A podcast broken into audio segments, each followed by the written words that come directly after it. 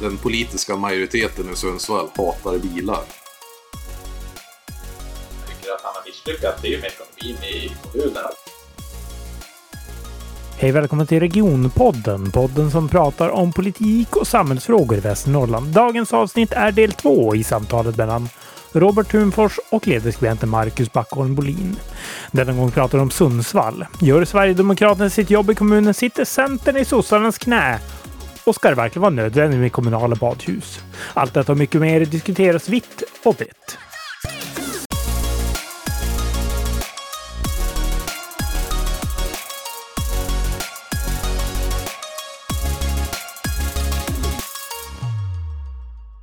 Sundsvall har ju alltså en politisk majoritet som du själv sa, Vänstern, sossarna och Centerpartiet. Och den är väl så vitt jag vet från 2014 och framåt. Peder Björk då var ju kommunalråd fram tills väldigt nyligen. Nu är det ju Bodil Hansson som har tagit över efter honom då. Men du har ju skrivit en ledare i alla fall om Centerpartiet då, efter valet där. Och det var att Hans Forsberg då, när Peder Björk säger hoppa, fråga Hans hur högt. Ja. Kan du berätta lite grann nu?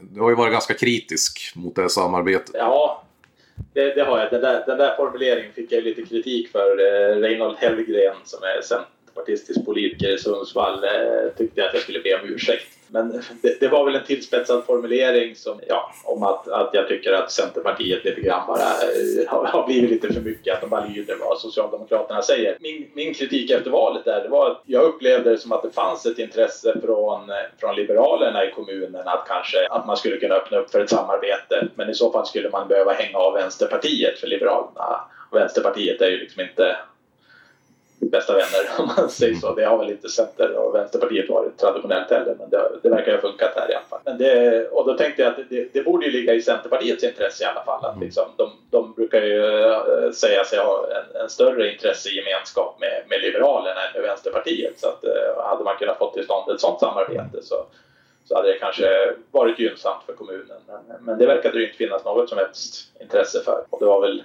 med, med den bakgrunden som jag skrev denna ledare. Men tror du att det beror på då att Centerpartiet är helt enkelt väldigt nöjd med den här majoriteten då? Eller tr- tror att de är svag så att säga och vågar inte ta den här, vad ska vi kalla det för, striden då? Nej, jag tror nog att man är ganska nöjd med, med det samarbetet som, som finns. Eh, Hans Forsberg har ju sagt i flera intervjuer att han tycker att de har fått igenom mycket mer centerpolitik eh, tillsammans med, med S och V än vad, vad de fick under den korta tid som Alliansen styrde i Sundsvall efter valet 2010. Eh, där var man ju uppenbarligen ganska Mm. missnöjd med att man hade fått för lite inflytande och det var väl det som ledde fram till att man, att man, man valde att byta sida efter valet 14. Men vad tror du skillnaden skulle vara då om man haft Liberalerna med istället för Vänstern då? Hur hade Sundsvallsborna märkt den, den Ja. skillnaden? Det är jättesvårt att säga. Det är, det är klart att det kanske hade blivit en mer tonvikt på politik i mitten. Men det, det, det är svårt att spekulera om. Det, det händer ju alltid saker under en, under en mandatperiod. Den här gången har vi ju fått eh, coronapandemin som fullständigt... Det gör ju att helt, helt plötsligt så rensas spelplanen och så blir det bara att hantera det som blir viktigt. Liksom. Jag tycker det stora misslyckandet i Sundsvall de senaste åren det är att man inte har eh, tagit tag i den katastrofala ekonomin i tid utan att man har låtit det rusa iväg liksom, till stora underskott i ett par års tid innan man ens kommer på att och er, erkänner att det finns problem och att man måste göra någonting åt det. Ja, alltså Sundsvalls kommun har ju en väldigt hög kalla, kommunalskuld. Sist jag kollade på det där har jag ju för mig att Sundsvall låg på typ topp 5 eller topp 10 per, per medborgare och skuld. Ja. ja, jag kollade faktiskt upp det förra veckan inför ett föredrag jag skulle hålla för Rotary. Då låg man på tionde plats Tionde plats. eh, i Sverige om man räknar skuld per capita. Ja, man, ja. Man är högt skuldsatt, har eh, ja, två år bakom sig nu. 2018 och 2019 gjorde vi ju ganska stora underskott i kommunen. Ja, man har ju budgeterat för ett överskott i år men vi får väl se. Det är inte riktigt klart än med hur coronan slår och allt sånt där. Ja, men min känsla är ju, jag är ju som sagt Timråbo, men jag har ju bott i Sundsvall ett kort tag också. Och som sagt, kommunen är ju när, närmast ihopbyggd kan man väl säga också, så att man, man har väl en hyfsad koll. Och min reflektion är väl liksom att Sundsvall har ju hållit på jäkligt mycket med vad jag kallar för skrytbyggen. Man har haft mycket stora tunga investeringar man har gjort liksom åt höger och åt vänster och, och verkar liksom inte alls reflektera över att det ska betalas på något sätt sen. Och jag tänker väl kanske specifikt på Himlabadet. Ja. Men jag tycker ju liksom att eh, sossarna specifikt har ju haft väldigt mycket lova liksom att nya simhallar och nya sporthallar liksom är typ Liden och Njurunda, ja. Njurunda är jag osäker på, men jag är ganska säker på om det var Liden eller Indal liksom att eh, bara mer, mer, mer, men inte liksom hur gör vi med det vi redan har? Nej, där har vi ju just sport, eller simhallar har ju varit en diskussion här nu de senaste veckorna bara. Det har ju varit aktuellt längre också, men Eh, där Hans Forsberg var ute och sa att man kanske rent måste stänga ett par simhallar för det finns inte liksom pengar att renovera upp alltihopa. För den, den är ju dåligt skick den som är i Matfors, i Njurunda, Alnebadet är dåligt skick. Liksom. Så det är klart att man, man, kan ju tycka att man på något sätt måste se till att sköta underhållet först innan man eh, lägger pengar på nya flådiga investeringar. Att det, det, det, är ju, det är ju sundare så, men det är klart det, det är roligt att få inviga ett Timlabad eller en logistikpark. Mm. Ja visst, ja. den har vi också. Logistikparken har vi också. ja, det är en diskussion för sig.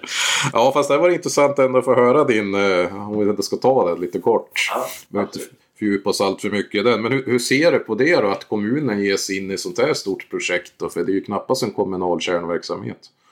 Nej, det, det är klart infrastruktur kan man ju säga är en kommunal kärnverksamhet och se till att det finns en, en bra infrastruktur. Jo, men det är- containerhamn är väl lite kanske samma sak som Nej. att bygga vägar och avlopp Precis. liksom. det, det har ju kommit mycket kritik mot liksom skövlingar av Petersvik och sånt där. Och den den har, jag, har jag full förståelse för, men jag har huvudsakligen riktat in min kritik på att jag, jag tycker det är tveksamt att, att göra någonting sånt här för skattepengar. Någonting som så uppenbart har varit nästan ett beställningsjobb från SCA.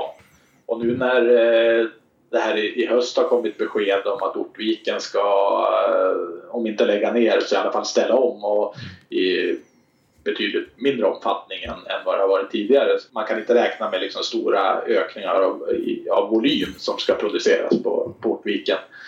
Så, så ja, jag är tveksam till om behovet av containerhamnen finns där. Eh, jag hoppas förstås att det ska bli, nu, när man väljer att lägga ungefär en miljard på det där så är det klart att man hoppas att det ska bidra till eh, större skatteintäkter och ett bättre näringslivsklimat i Sundsvall. Men jag är inte helt säker på att det är det bästa sättet att använda pengarna. Nej, men jag kan ju säga det att, att komma ihåg, för det var inte en anekdot, jag träffade ju på en person som, ja, faktiskt i Timrå då, men han var ju som skeptisk till eh, även Petersviks, eh, alltså just containerterminalen då, och han sa så här, SCA har köpt er alla. och jag skrattar lite åt det, men, men alltså han har väl kanske en liten poäng. Det, det, det är ju såklart att SCA som är ett så stort eh, företag och ja, nu har de ju splittrats då och det vart ju Essity då som tog över den, den här eh, toalett... Eller blöjor och toalettpapper höll jag på att säga och, och den typ av grejer. Ja, precis. Nej men det är, ju, det är ju ett jättestort börsnoterat bolag och har ju varit en jätteviktig alltså, aktör för, för Sundsvalls utveckling och även för Timrås. Jag menar, Och ta är ju det... det fortfarande. Absolut. Det fortfarande. Även, efter att Ortviken eh, bantar från eh, vad var det, 800-900 anställda till ett hundratal så är det ju fortfarande en stor arbetsgivare i, i våra kommuner. Ja men så är det Det ju. är ett viktigt företag. Ja. Jo, nej men så att frågan är ju inte så enkel liksom och, och jag menar det finns ju en st- stor, lång historia kring det här också. Jag menar det finns ju en orsak varför fabrikerna står där de står och varför SCA är liksom väldigt koncentrerat i Sundsvall. Eh, och jag menar vi har ju sågverksepoken också. Sundsvall är ju en trästad liksom och har ju varit bland, vad är det, en av vad är det, världens eller åtminstone Europas rikaste städer en gång i tiden också på grund av sågindustrin liksom. Så det, det finns ju en väldigt stor och lång historia kring det här och som vi ska väl i grund och botten vara ganska glad och stolt över också tycker jag. Ja, Och jag, jag tycker det är jätteroligt att ä- även om det är ett tråkigt besked så är det ju ändå roligt att se att SCA väljer att investera i fabriken och att man, man ser en, en, en fortsatt närvaro i Sundsvalls kommun och i, i Västernorrland. Mm. Att man inte man lägger ner och säger nej men vi, vi flyttar produktion till Kina istället utan Mm. att man, man väljer att liksom ja, investera pengar i, och det har man gjort i Östrand också. Eh, där har man plöjt ner väldigt mycket pengar och har ju en, en toppmodern och fin fabrik. Mm. Men, jag tänker, för vi pratar, när vi ändå är inne och pratar om det här då, för containerterminal och att kommunen går in och satsar stora pengar på det. För det kan man väl ändå se då, att man ska öka attraktiviteten för att etablera sig i Sundsvall, företagande och näringsliv. Men Sundsvall har ju inte så mycket att skryta om när det gäller företagsranking precis. Ganska urusel i jämförelse med en viss grannkommun som jag själv är politiskt aktiv i. Liksom. Jag kommer inte ihåg den exakta siffran nu i, i Svenskt Näringslivs rankning men det är ju någonstans nere på, på 200 någonting av 290 kommuner. Så det är, och Timrå låg väl på, vad var det, 40? Nej, nej jag har för mig att vi var nere på Åh gud, det ska jag kunna utan till såklart. Men jag, 30 någonting var vi väl. Eller under 28 tror jag till och med. Då. Bästa näringslivsklimatet i Norrland. Ja, men det är vi i alla fall. Ja. Så, så det är jag säker på.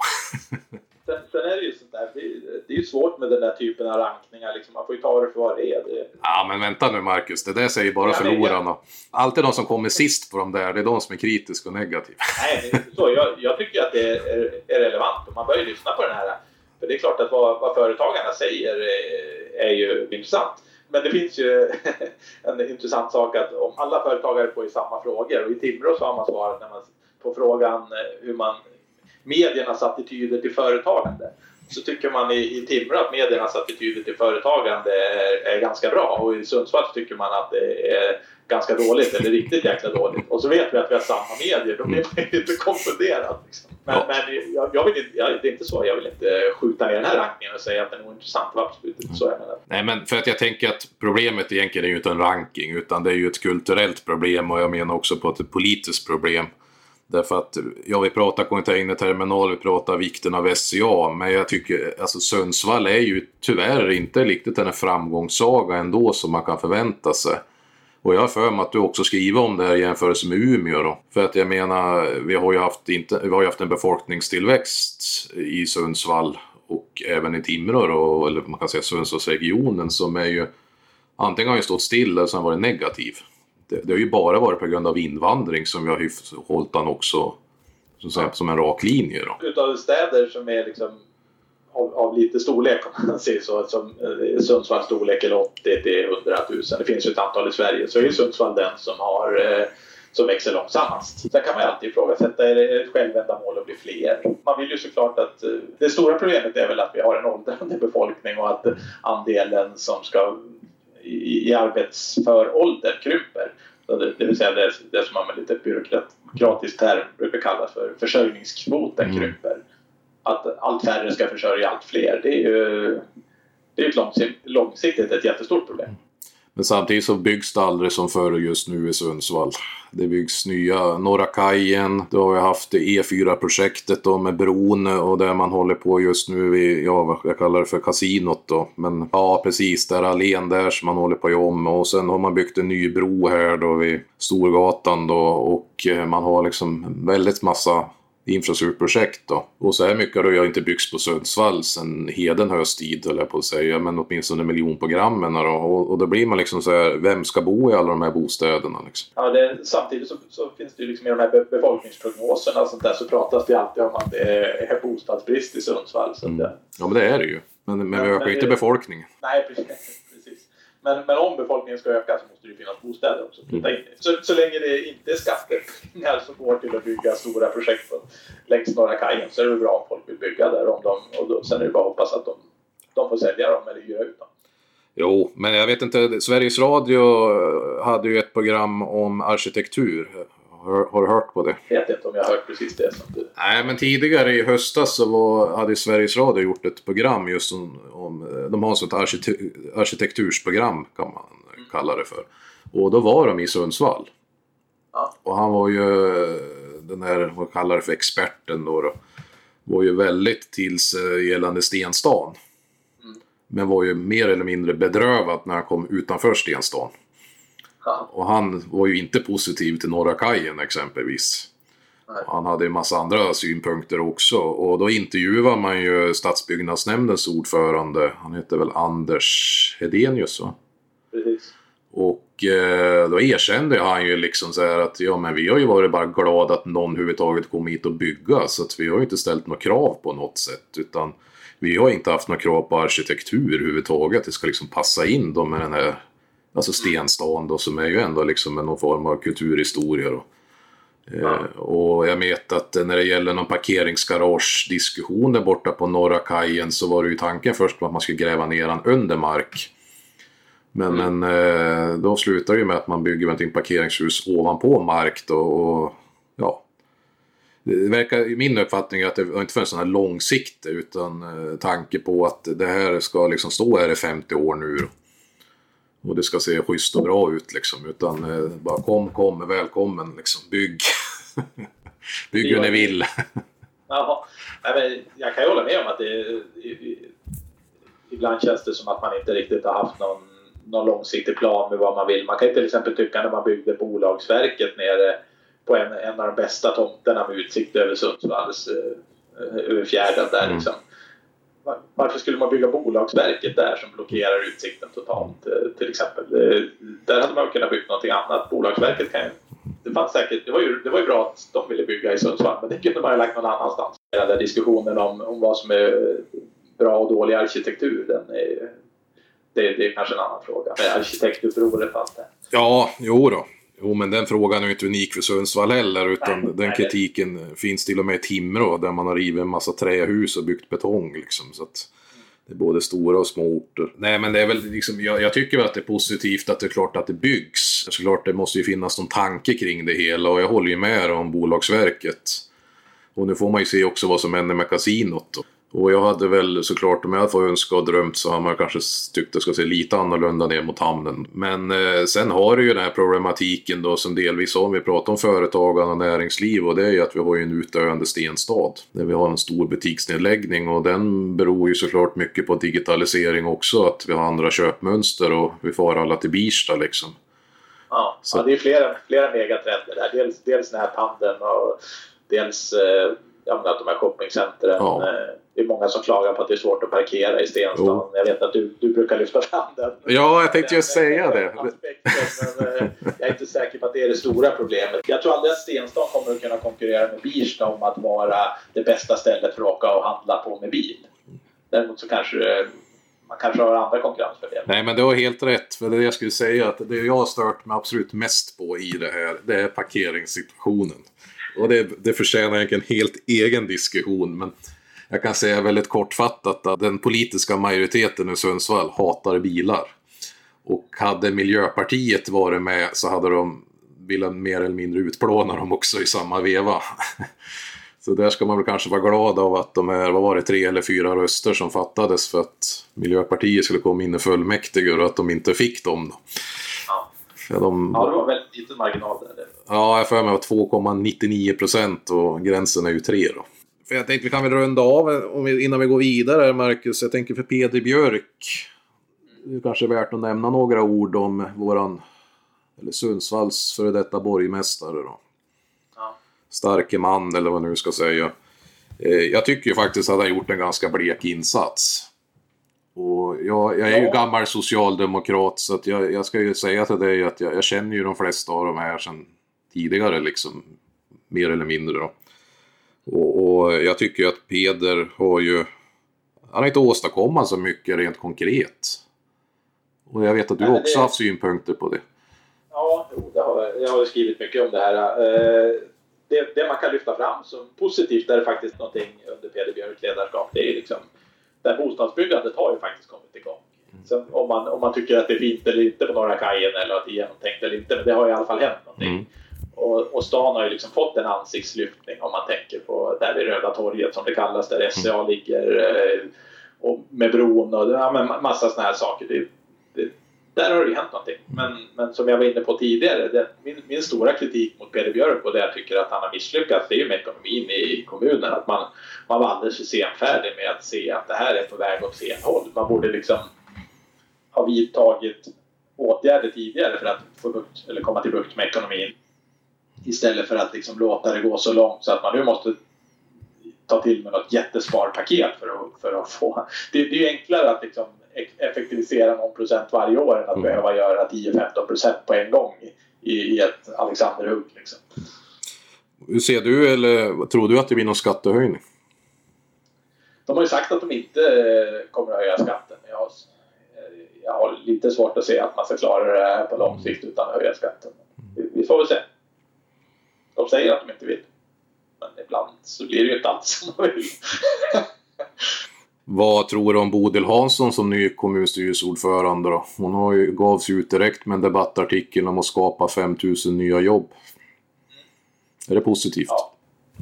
ja, om hon lyckas skapa 5000 nya jobb. Så ja, politiker brukar ju inte skapa några jobb egentligen. Liksom, så att... Nej, precis. Det, där brukar vi lyfta fram på ledarplats ofta att politiker skapar inte jobb, de skapar ju möjligen förutsättningar för att skapa jobb. Det, det, behövs ju onekligen. Vi har ju haft någon slags jobbkris här nu under hösten med mer än tusen jobb som har försvunnit direkt och sen brukar man ju alltid prata om att det blir gånger två eller någonting sånt med underleverantörer och andra som påverkas av sånt där. Så det är klart att det behövs ju en ny start med där, där företagandet och det, det, kommer till, kommer till, växer till fler jobb. Bodil Hansson har ju varit med ganska länge. Hon har ju liksom funnits där lite grann i skuggan utav Peder Björk ganska länge men nu är det ju verkligen upp till bevis. Hon har ju hon har haft ganska tacksamma uppgifter. Hon har kunnat flyta med lite grann i bakgrunden utan att ha de här riktigt tunga eh, och ansvarsfyllda uppdragen. Men nu är det ju hon som står längst fram och, och får, får både liksom ta emot hurraropen om det går bra, men också kritiken om det, om det inte går bra. Tänkte som sista fråga om Sundsvall.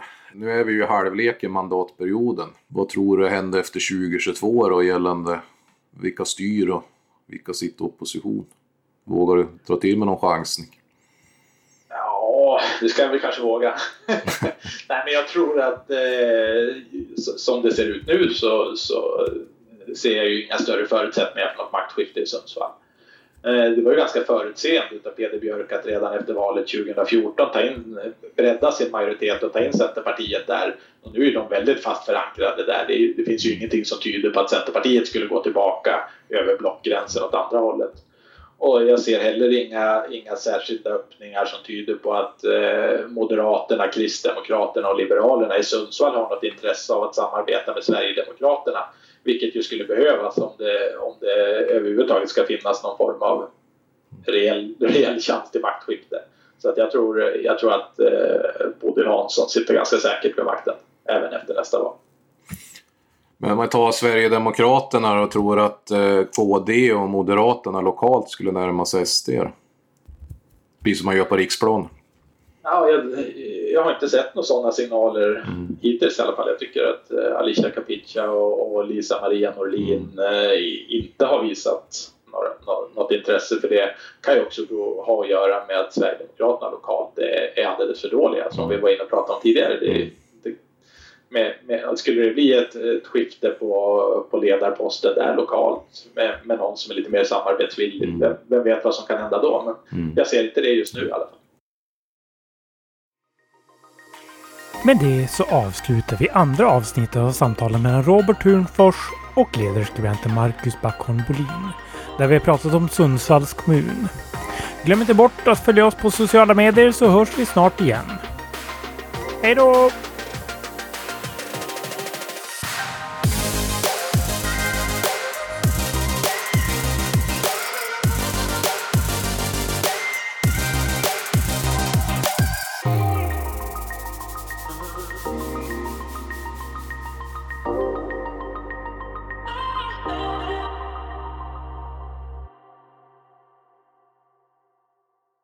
Denna podd gjordes av Sjukvårdspartiet för Västernorrlands läns medborgare.